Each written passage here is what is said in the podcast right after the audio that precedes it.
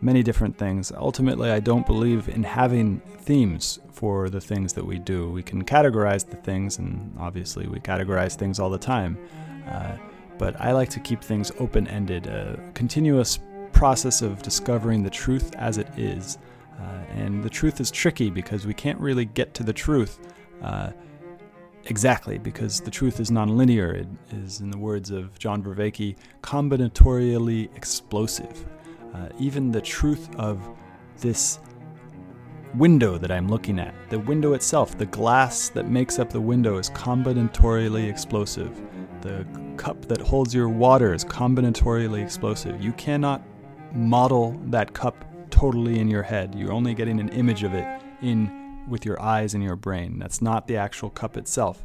Uh, so this this show is a discovery of truth wherever it may appear by talking to people from various different fields. I've talked to artists, engineers, entrepreneurs, investors, uh, refugees. I've, I've just talking to anybody who has a glimpse into the truth. Uh, and through this conversation, through this mutual inquiry into what is true, what is real, hopefully we get to something that is helpful for to you. Now, we are in a time of crisis right now, uh, but it is in those times of crisis that we find our strength. And so, this show hopefully will help you to find the strength that is resting, that is deep inside of you, that is part of your birthright as a human being, uh, and find that strength so that you can get through these difficult times. Also, I want to let you know that I'm offering breathwork sessions uh, every day. I've got seven sessions a day. Uh, and really excited to bring this to people. People have been really enjoying it, and it has brought strength to people and courage. and And that's my that's my goal is to help you find the courage to uh, not only survive but to thrive in the next couple years, maybe because this virus is not going away. Um, it, it, usually viruses come in waves. Uh, so this is the first wave, it will go away, and then it might come back. I'm not saying that I know for sure it will come back, but we are in this for the long haul. So this is a uh, marathon, not a sprint, uh, and I want to do everything I can to help you not only survive, but to thrive.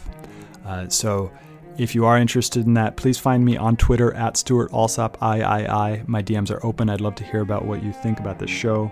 Uh, also, it'd be very, very kind of you to both subscribe to the show on Spotify, Stitcher, uh, iTunes, many of the major pot pla- platforms. And if you're really feeling generous, go ahead and give a review on iTunes. So join me for the breath work. Just send me a message on Twitter at Stuart Alsop III with your email, and I'll add you to the email list where I'm sending out emails for the schedule. Uh, hopefully, see you there. Have a great day. Welcome to the Crazy Wisdom Podcast. My guest today is Theodore Blackman. He is Urbit core dev and manages projects at Tlon, uh, specifically related to the Arvo kernel, uh, which I'm sure I'm going to be asking him what that is. Uh, welcome to the show. Thank you. Happy to be here. So, you're in Mexico. What do you do in Mexico? Yeah, working mostly. Wasn't really the plan, but uh, you know, has a tendency to happen. Yeah.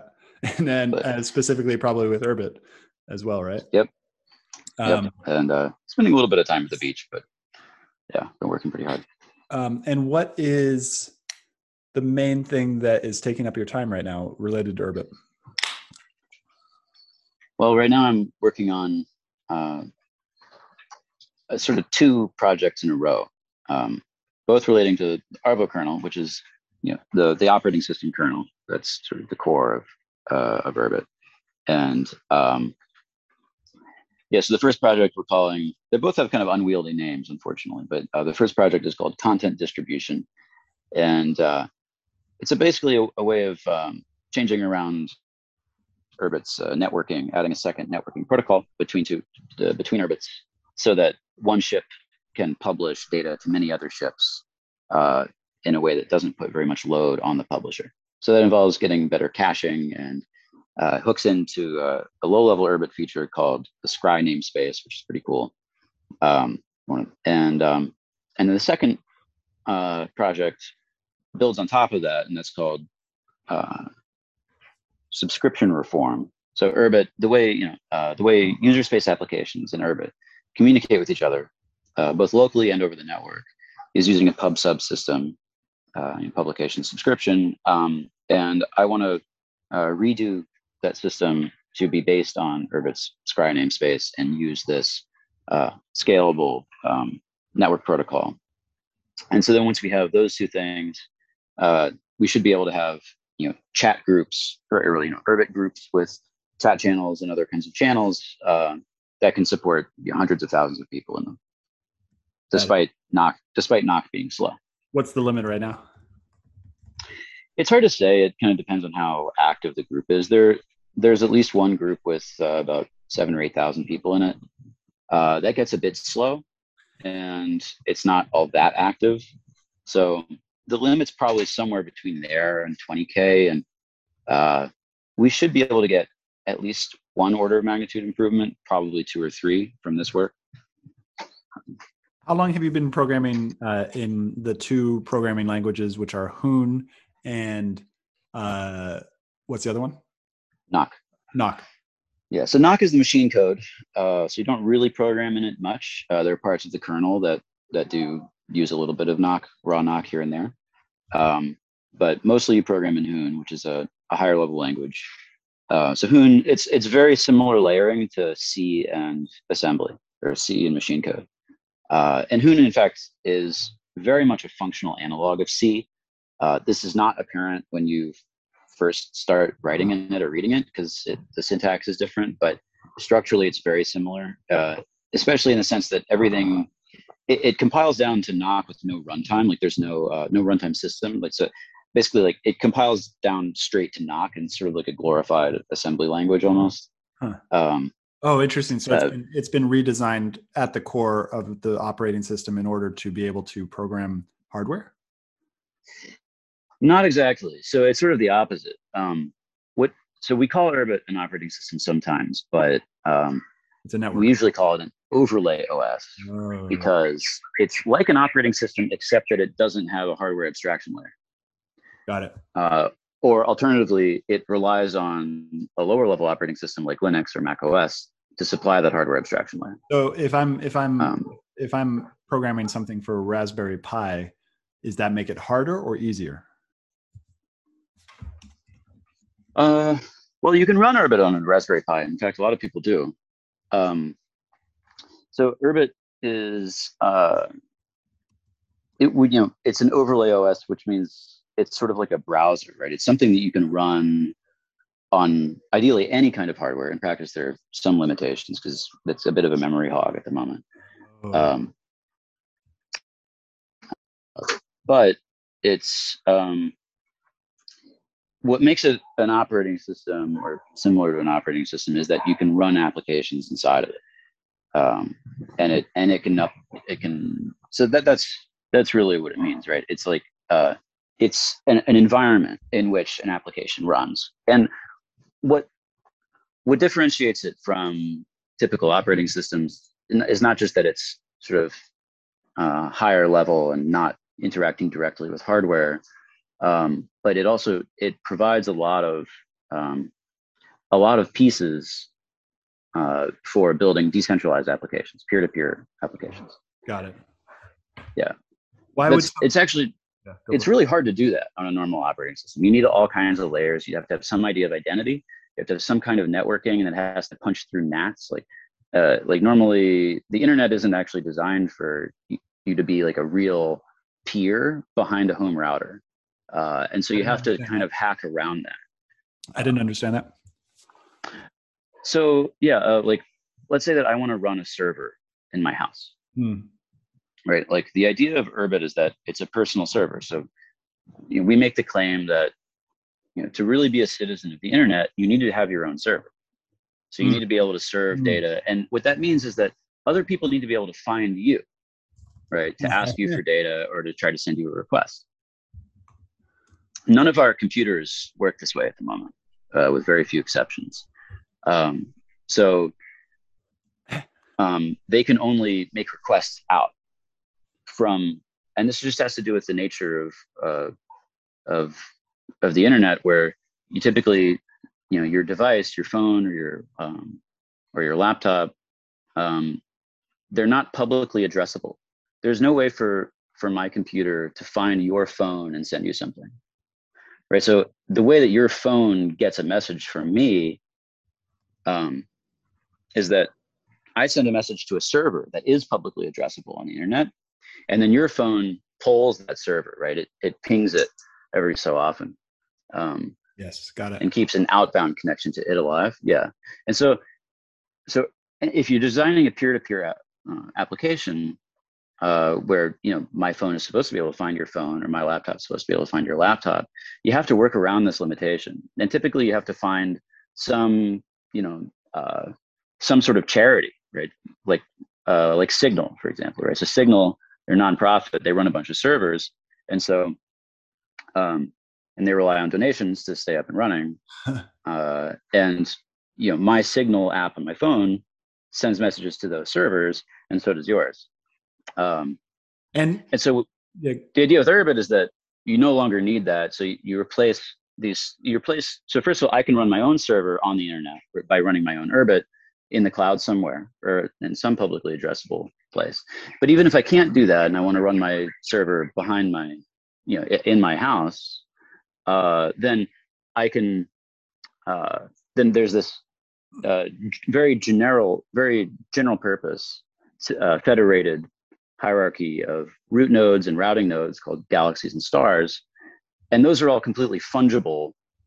So they're just like these very general purpose service providers uh, that provide this routing service. Um, and the idea is that you pay them a little bit of money every month, which isn't set up yet, but you know you pay them a few bucks a month, and uh, and if you don't like it, then you can switch to some other one. And everything's end to end encrypted, so they don't see any data um, like they can't decrypt anything you're sending. Uh, but it's so the idea is that instead of relying on uh, relying on the kindness of strangers, you know, for uh, uh, to get your packets routed, instead there's this you know sort of you know small but real uh, economic incentive to just do this very sort of general purpose common carrier style uh, routing. And so what does it mean to have a personal server? So you you actually just talked about that. So um, what is a root node versus a routing node? Sure. Yeah. Um, I also just realized that I forgot to answer your first question. how long have I been doing this? Uh, uh, about five years. Yeah. Oh, interesting. And what? Um, and how long have you been a programmer or a developer? That's um, professionally since 2010, so 12 years. And what got you into Urbit? Um, I met woman at a party in 2013 or maybe early 2014. And she said that there was somebody designing a programming language that you can speak out loud. and I thought that was really cool. And so I asked her about it. And yeah, that's how I first heard of Urbit. Uh, and then I looked it up and read about it and I didn't really understand it. The docs were very um, sparse at the time. Uh, but then in 2016, I went and checked on it again, and uh, the docs were a lot better. And I started to understand it. Uh, and at that point, I'd also been doing a bunch of distributed systems work. And uh, so I was able to understand the networking side of Urbit a lot better. Um, in particular, this exactly once delivery semantics and the um, transactional networking that Urbit has, and started thinking, oh, this is really nice. Uh, and then the deeper into it I got, the the more I became just you know enthralled by the beauty of the system. That's how I ended up working there. And the transactional, what did you mention? It. What is the transactional ver- vocabulary that you just used? Yeah, we call it transactional networking or persistent networking. It's it's not really a new idea. Um, it it's basically like if you have um, an application that wants to communicate over a network with a database, um, then you want a few guarantees. Uh, you want the main one that you want is typically called exactly once delivery, and there are a couple of different mathematical formulations of that. Some of which are sort of uh, you know some some of which like don't work, but uh, but there's one that does that is very commonly used by um, uh, com- protocols that for communicating with databases, and it's basically that when I send you a request, um, that request has a, like a permanent sequence number that I remember persistently, and that you also remember persistently, oh, okay. meaning we both write it to disk. And that way, we can communicate and, and we have this property of exactly once delivery. So each message that I send to you, like each request, you're going to handle it at the application layer exactly once. Um, and you'll handle them in order, right? So you won't handle it twice. So you don't have to worry about like, you know, you don't have to have that message on the website saying, don't click, you know, don't reload the page, don't click the buy button the second time, right? That sort of thing. Um, so, so there's an idempotence guarantee, right? Meaning that like it, it won't happen twice just because packets get lost over the network.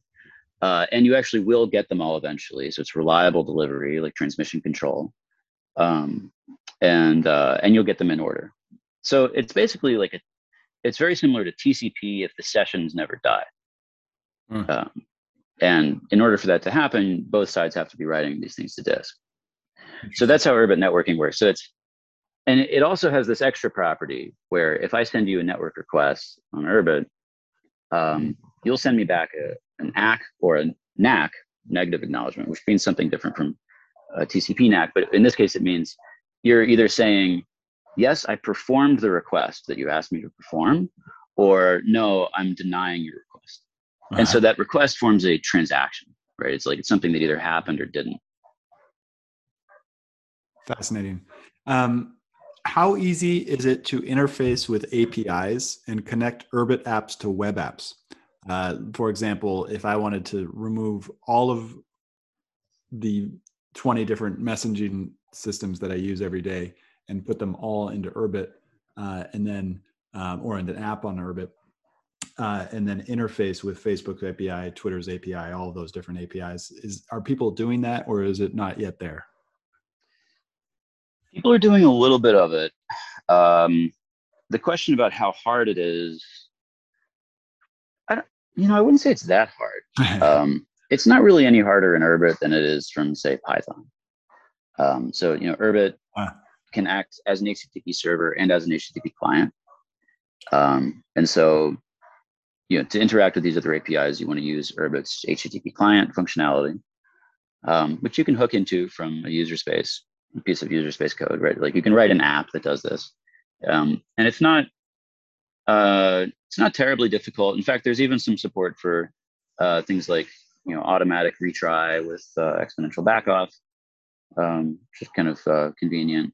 Um, uh, I think there are a few rough edges still around the HTTP client functionality. Like I don't know if it follows redirects. I don't know if it can do HTTP two. Uh, a lot of that is in the works, but I think there are still some limitations. That being said, uh, there is a, a, Twitter API connector um, called UrTweet, if I remember right. Um, I don't think that's been published yet, but some people are running it. Um, and uh, there's also, you know, people have written uh, API clients for uh, DALL-E, actually the you know oh. the image image stuff. Yeah so the, there's a chat bot where you can ask yeah ask in chat like say hey uh, please you know render an image using this text. Uh, there's one for gpt-3 also. Oh wait so uh, I can, those are pretty simple chat bots so i can go on and use DALL-E through urbit right now. Mm-hmm. yeah. Oh, how do i do that uh, you can search for dalten collective so dalten collective is a star that's uh, oh. run by a group um, so I got early access to DALL-E. Yes. Did you? Well, no, no. That well, I'm assuming. Oh, yeah. So I think Dalten got it somehow. It's a, and then there's something about Octopus. They called it an octopus or something. Their oh, their chat bot. Octopus. Yeah, but if you look at Dalten Collective on Twitter, yeah, it's underscore Dalten is their username.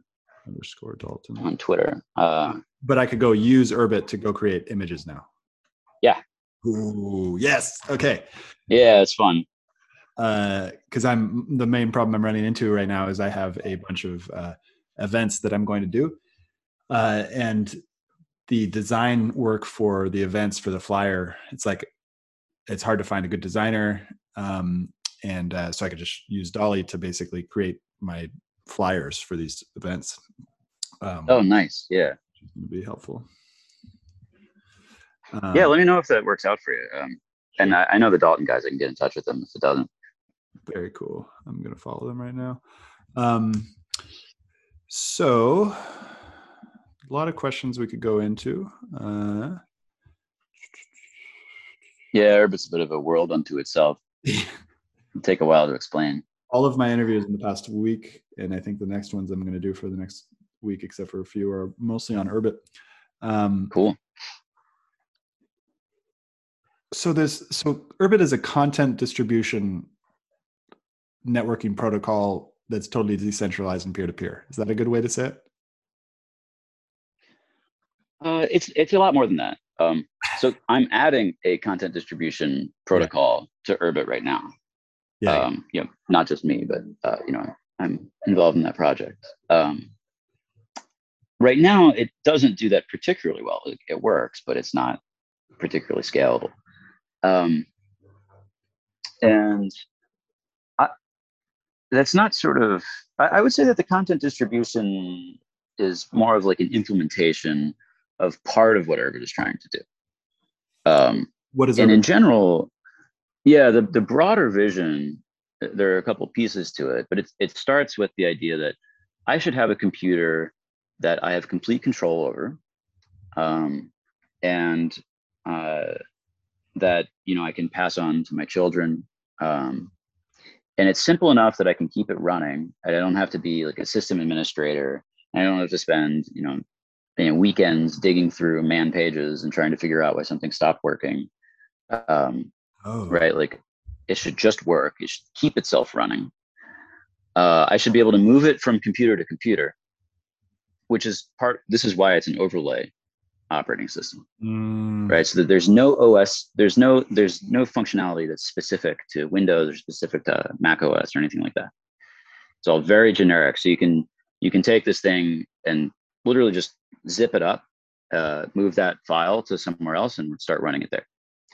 Um, and uh, so it, you know it follows you around, right? This is this is your and it's it is a, it keeps running, right? It's running all the time.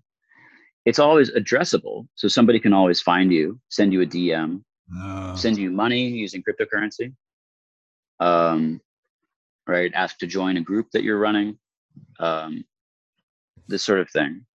Uh, and it's it's a general purpose computer, so it's fully extensible. I can install new apps into it, Turing complete programming language that you can use, right?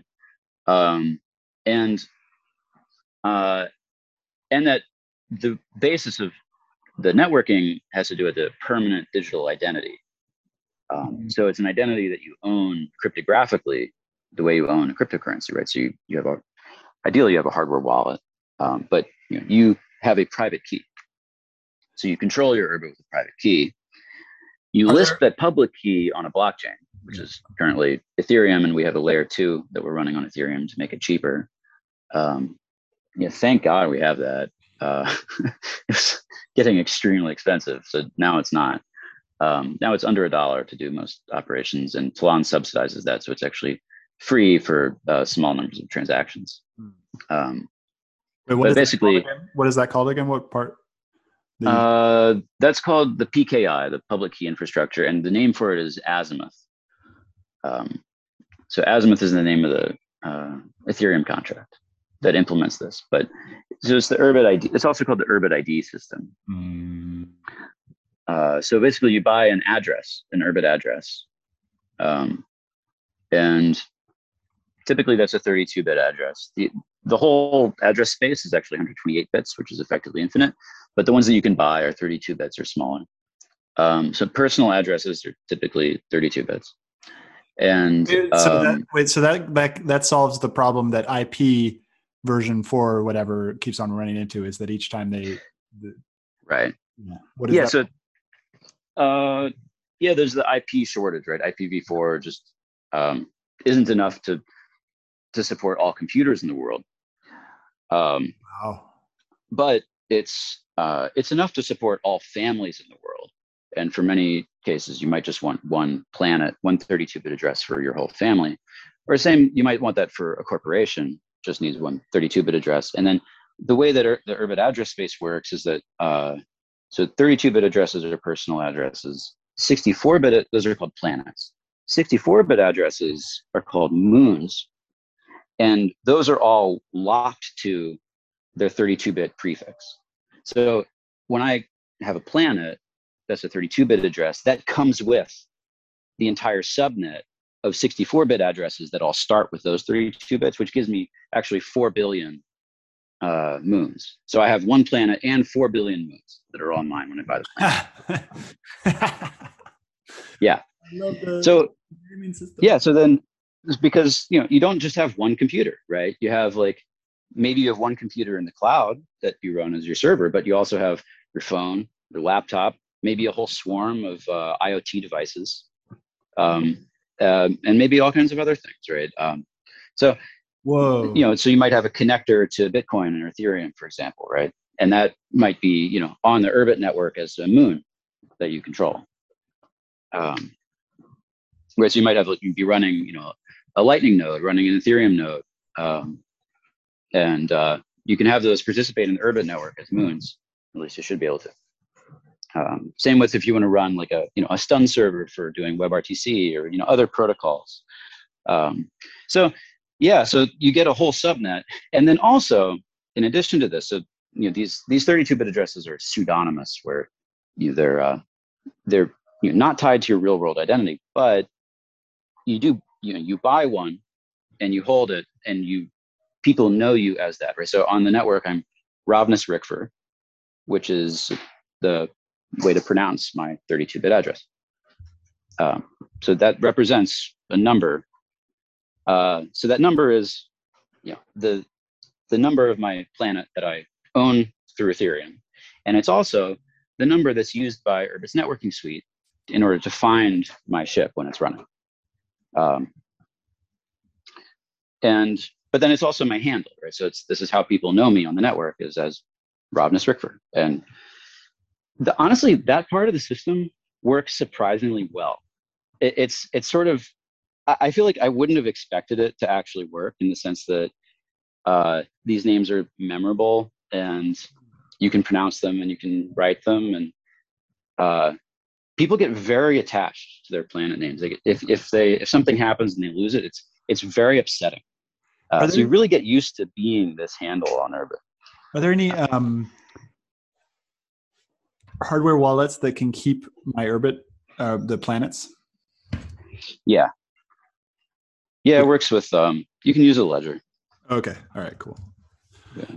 Um, the um, so that there's one final class of address, which is 128-bit addresses, and those are called comets. And so, you know, the smaller addresses are pseudonymous. Comets are anonymous. Oh. So there are an oh. infinite number of them, effectively. Right, two to the 128 is such a large number that you're never going to run out in practice. Um, it's a cosmologically large number. Um, and so that means that you know, the total number of comets is so big that you, you can just keep spawning them indefinitely.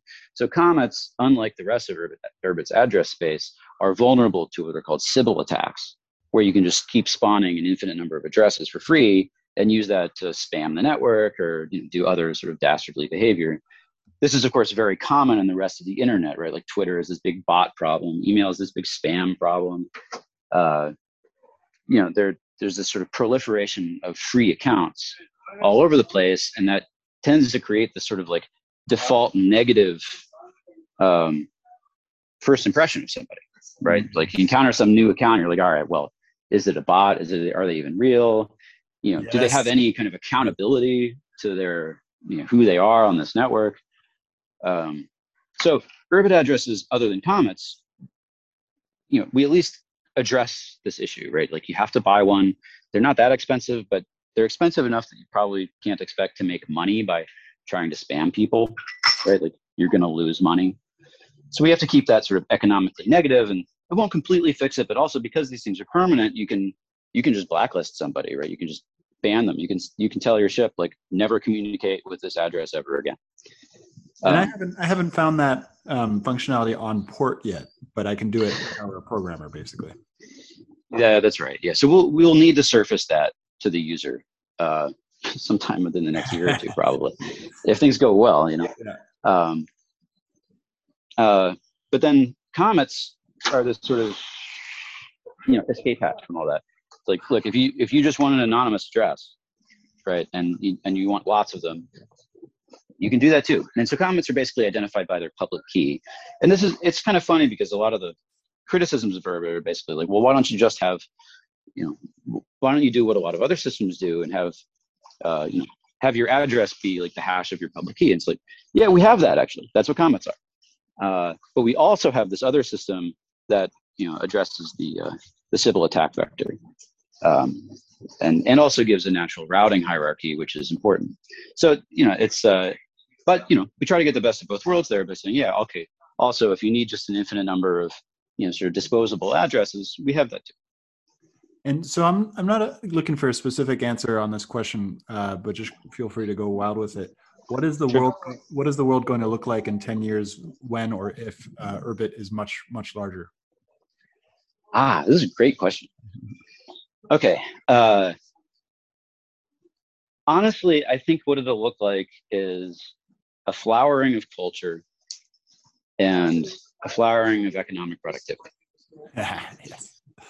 Nice. Um, because with Urbit, you know, I can take you know me and some of my friends, and we can collaborate on a piece of software privately. Maybe that's a protocol, maybe that's a smart contract, maybe it's a DAO, um, maybe it's a trading bot, um, or maybe it's a you know piece of software for um, facilitating the production of art or music. Mm. But we can do this together. We can collaborate, and there are no third parties involved. We don't need some third party to maintain a server somewhere to keep this running. We're not beholden to that third party if they decide that they don't like us or if they run out of money or if they go to war with some other country or whatever. Um, and so it's this very like basically what Urbit facilitates is autonomous digital communities which are basically impossible without it because you need that it goes back to the problem I was talking about earlier, uh, where you know you actually need like my computer to be able to talk to your computer and not to have anybody in between there who can interdict that and make it make it stop uh, or spy on it either way. Um, and so you know, you have to rebuild all of that infrastructure for on a you know per application basis without Urbit. Urbit solves this in a general purpose way, makes it part of the operating system. And it's like, yeah, you this is what you need, part of what you need to actually build out like the to flesh out the promise of blockchains, right? And this broader sort of Web3 idea, decentralized web. Uh, every person involved in that needs to be able to run their own server. They need to have full control over what software they're running that you have to be able to take it from machine to machine as you go through life. You have to be able to pass it on to your children. You have to be able to keep it end to end encrypted. You have to be able to install applications in it and keep, and it has to keep itself running without you having to maintain it all the time, right? So it's like all of these. It's interesting to see the world sort of catch up with the Urbit vision over the past few years. Mm-hmm. Um, and you know, when people say Web three, it's like, yeah, this is what we've been building for the past ten years. It's fascinating. Um, so how hard is it right now if, if I wanted to say boot my uh, my personal Urbit namespace onto another computer? That would just plug in the private key, basically, right?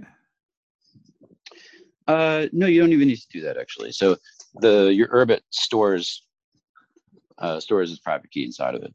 The, the, it's a little bit complex actually. So, uh, but there's a good reason for it. So Urbit has a hierarchical deterministic wallet, oh. an HD wallet. Um, and so there's a typically there's a seed that you can use to generate uh, downstream addresses. Th- this is actually you know, standard practice in crypto, right? If you want to if you want to hold Bitcoin or Ethereum, you also want this. Um, but so there, um, this wallet gives you several different Ethereum addresses that you can use to for different uh, sort of capabilities, right? So one is like the ownership address, like which address owns your Urbit address. There's another one that says which one is what address is allowed to set your Urbit's uh, networking keys. Um, so the, the keys that your Urbit uses to communicate on the Urbit network with other Urbits, the public key there is listed on chain. Right. So this is how the public keys are distributed. And so how if I want to send you a message, I need to know your public key. If you want to and if you want to send me a message, you need to know my public key. Right. So we need to share these public keys, but then keep, of course, keep the private keys private. Um, and so I can generate a private public key pair um, using my you know, hierarchical deterministic wallet. Um, and and I can make it so that uh, that address, that networking address, can be set by a uh, you know this uh, what we call the management proxy address, so that so that I can keep my ownership key cold, right? Keep it entirely offline, keep it in a bank vault somewhere, shard it into three different bank vaults, whatever. And I don't have to touch that, but I can still um, update my key, uh, my networking key that my Urbit uses, uh, you know, without having to reach into that. Um, so I can keep that in a hotter wallet, right? So basically, you want this sort of layered security approach. Um, huh. And so Urbit supports that, which is it's very good. You know, it does add a layer of complexity, but there's uh, we have a piece of software called bridge.urbit.org that lets you manage this stuff without having to think about it too much. Um, so Urbit stores its own networking key that it uses to communicate with other Urbits inside of itself. So inside of the uh, uh, there's like there's a file basically. It's it's a folder. There's a folder that stores all of the information for your Urbit, all of its state. So all of its data, all of its programs, uh, you know, the kernel itself, um, and uh, so that folder, yeah, it, it's actually it lives in the state of your Urbit. Right? Your Urbit knows its own private key, and so part of the state of your Urbit is this networking key, this private key, and so that's what it uses to communicate, to send send and receive UDP packets and decrypt them and encrypt them. And that, uh, so when you when you move your Urbit from one computer to another, you take that whole folder, you zip it up, you move it to some other machine, and then you say, uh, you unzip it and point the Urbit binary at it and say, hey, run you know, run Urbit on this folder. Oh. And that goes ahead and runs it, and you have, uh, you know, so it still remembers its private key. Interesting. Okay. Um, let's go back to the autonomous digital communities. Are you part of any sure. autonomous digital communities? I can neither confirm nor deny. uh, the uh, no, uh, yeah, no, I, no, I am uh, yeah. part of uh, several. Uh-huh. Yeah, it's great. Feels good. But you don't work anonymously. I know a lot of people on Twitter now. No, I don't. Are, are like working anonymously and actually getting paid money. Or is there anybody on your team who's anonymous? We don't know. Uh, yes, uh-huh. there is. Um, not many, but uh, I can think of at least one. And um, and then uh, there are a lot of people on Urbit who coordinate, you know, work on crypto projects um, and coordinate through Urbit. Uh, and some of them do so anonymously. What is the intersection between crypto and Urbit? Because Urbit doesn't seem like a cryptocurrency, but it does seem related to the area. Yeah, that, that's exactly right. It's it's not a cryptocurrency, um, but it is related. So, uh, you know, Urbit, in order for the Urbit ID system to work, you know that all the IDs, the the database of um, which address, which Urbit address has which key, that needs to be on a blockchain somewhere so that it belongs to the world, right?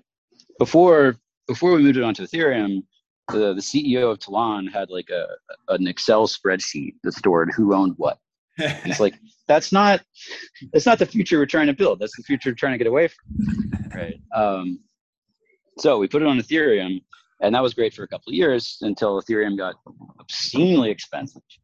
Uh, and so then we had to take it another year and, and write a, a layer two roll up to reduce the cost by a factor of about 200. So now it's you know, back to usable. Uh, but so you know, we could have moved that to another chain if necessary. Uh, right, it would be a, a, hassle, but we could do it. So it has a sort of somewhat fungible dependency, but it does need on a blockchain, but it does need a blockchain there to guarantee this to solve the double spend problem, right? For for the you know your ID, which is an asset. Um, That's cool. So yeah, Urbit's actually older than blockchain. So there were designs of how to do this before. And it's like, oh, you'd use an escrow agent, you'd treat it like a real estate transaction. Wow. Yeah, I, I, can only imagine having like, you know, a title insurance company for your Urbit ID, right? Like, it's, uh, it's comical now, but, you know, in, in 2010, uh, you know, that was the best you could do. Um, so, yeah, so Urbit does rely on blockchains. Yeah, but it's sort of at a distance, right, at arm's length. Um, and then the other side of it is that your Urbit should be um, like a crypto OS, among other things, right? So this should be what stores all of the client side information uh, that you use to access blockchains, right? So your your wallets, um, you know, if you have if you need some state regarding like a DAO or a Lightning channel, um, right? To in order to keep your if you're doing Lightning, right, you actually need to store a bunch of state, right? Every time you, there's a new every time there's a new payment within that channel, you have to remember it, um, or else you're you can get an adversarial closing and end up losing your money. Um, and uh, if I recall it correctly, that you definitely I don't remember exactly what goes wrong, but I know that you need. To, I remember that you need to actually you know, keep this state secure, you know, and persisted, right? Um, and so, you know, an Urbit is a great way to maintain persistent state. The whole uh, the whole operating system works like a database. So every time anything happens, it gets written to disk. Um, and uh, plus, it has this you know, identity system, right? So it's like, you know, if I want to send you, uh, you know, some ETH, uh, normally we'll have to copy around a bunch of addresses and whatnot.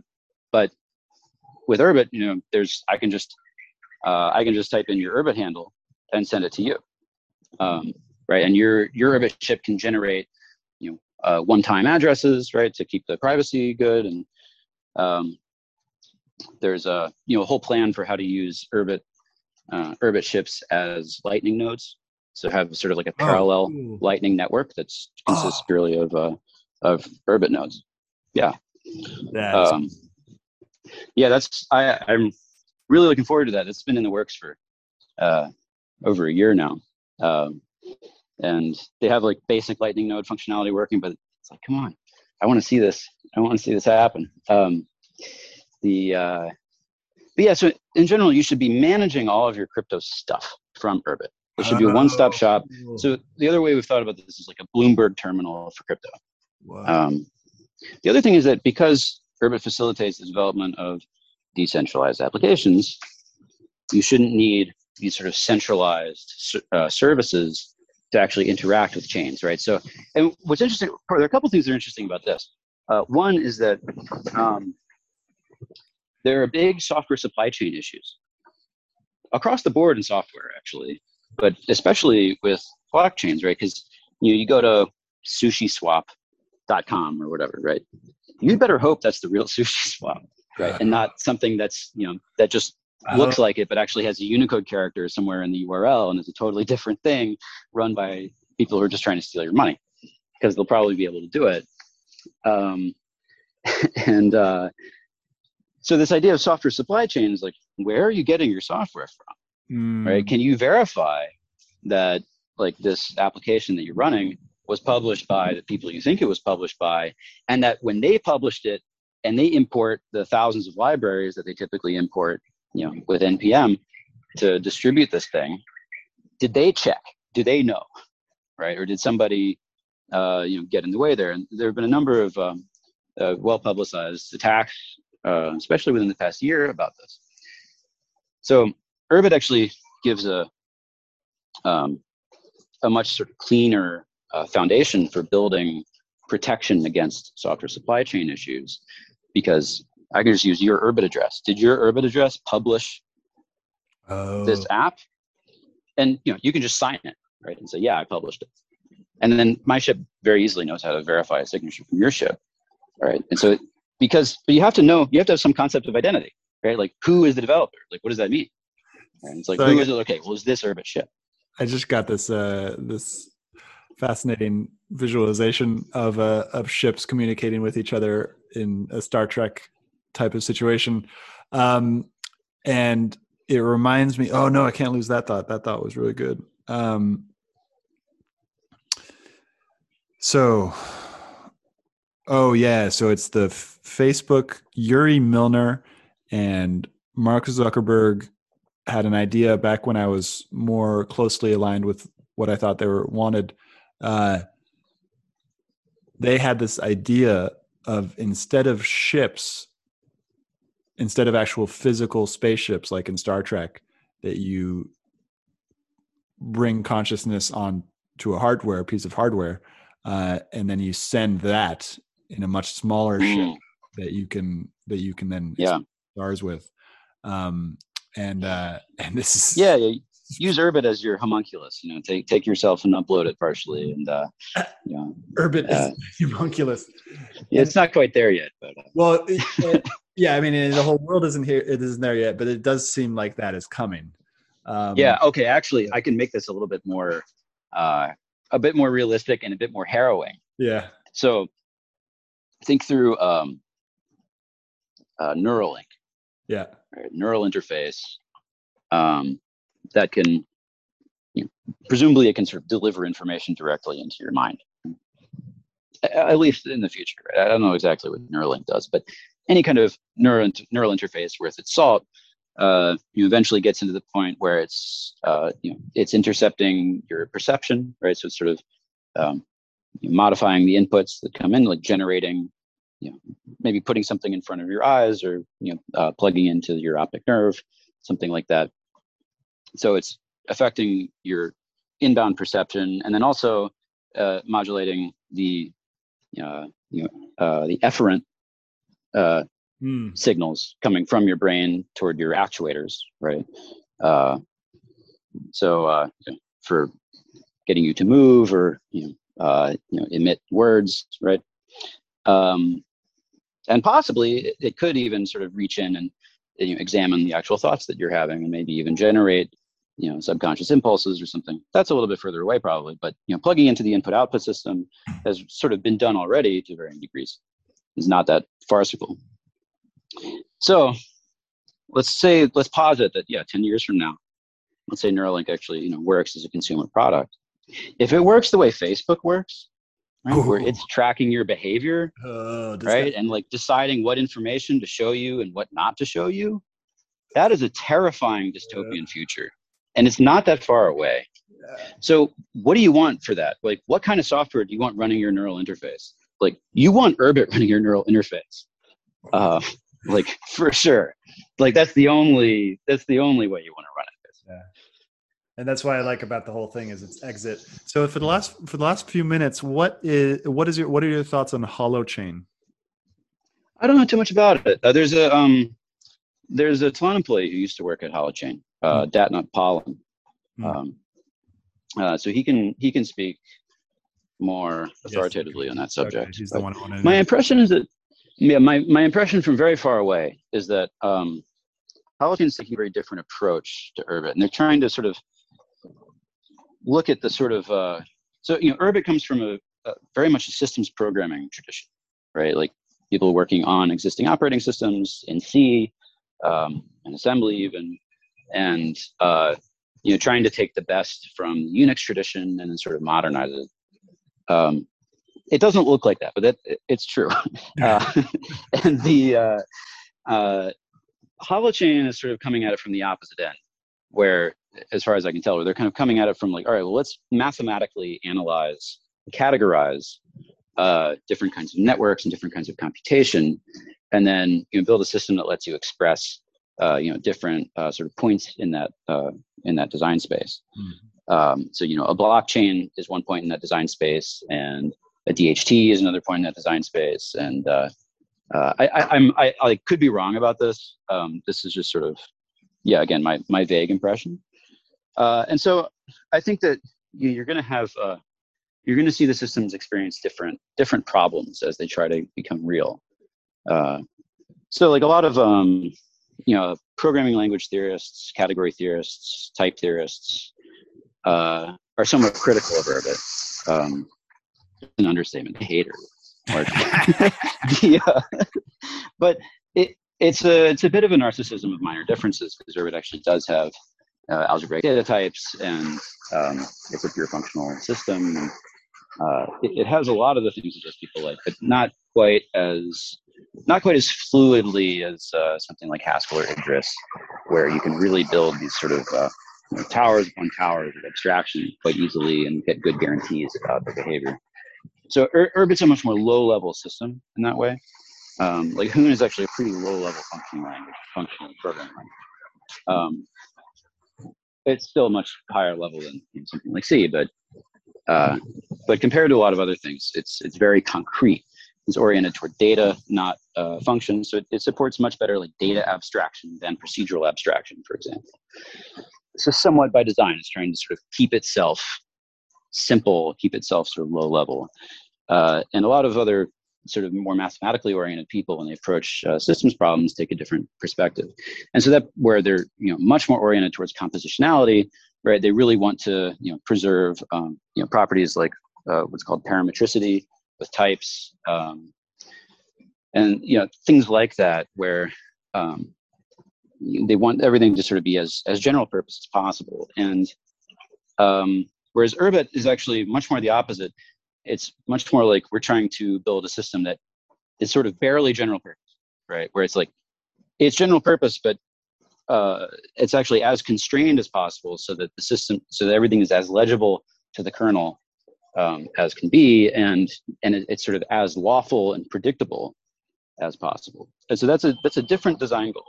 They're related, right? So there's a fair amount of overlap, but um, so you know so Urbit has a tendency to have a little bit more trouble when it comes to sort of more abstract things. Uh, you know, if it's uh, you know, if you want to write like, for example, right now you can't really easily write an application that just sort of relays arbitrarily typed data from one application to another.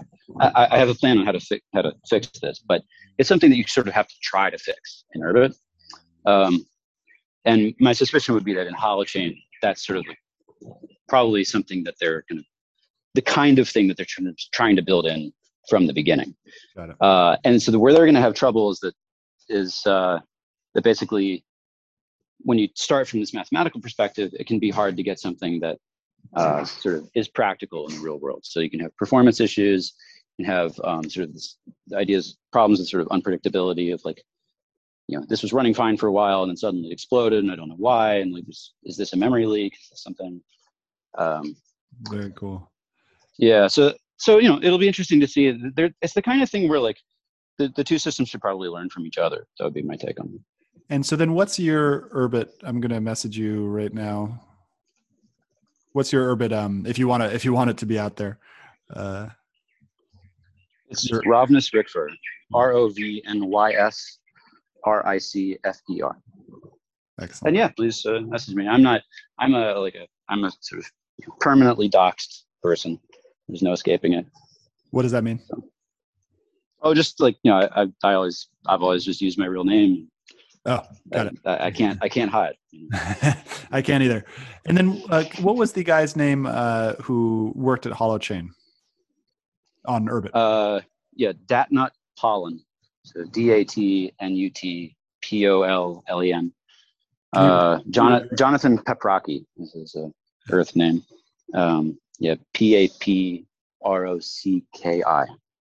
Okay, great. Thank you for, so much for coming on the show. Thanks for having me. It was a good conversation. Hope you enjoyed this episode. I'll be publishing episodes every Monday, Wednesday, and Friday in the morning. If you did enjoy this episode, please find us on iTunes, Spotify, Stitcher, many of the major podcasting platforms, and go ahead and give us a review. And also subscribe. And as always, I'm on Twitter at Stuart Alsop III. Come join the conversation as we aim towards the truth. And the funny thing about truth is that you can't really put it into words because every time you put the truth into words, create a linear narrative out of something that is nonlinear. The truth is nonlinear. It's not. It's. It's. If you really recognize the truth right now, your mind wouldn't know what to do. It'd be overwhelmed by beauty, pain, or it's it's something that is beyond our linguistic capability to represent. But that doesn't mean that the language isn't helpful. The language can point us in the direct right direction, but it's it's not it's not the truth itself. And so come join this collective inquiry into the truth Find me on Twitter at Stuart Alsop III. Uh, subscribe to the podcast. Share the podcast with your friends. Uh, most people don't have the ability to let go of this linguistic understanding of the way that the world works and just aim for the truth, regardless of what the language tells us. Uh, and so I think what I'm doing with this the show is is necessary for us because as we enter this stage of uncertainty, uh, and we are most definitely entering an age of uncertainty. And as we do, it's really, really important that we stop paying attention to what the mind is telling us all the time. Doesn't mean to say that the mind doesn't have its place. The mind obviously has its place, but it's just one of the senses. It's just one of the tools that we can use. We can use the mind, we can use the feelings, we can use our actual senses. Uh, we can check our intuition with other people because sometimes the intuition tells us the wrong thing as well. Sometimes the intuition is wrong.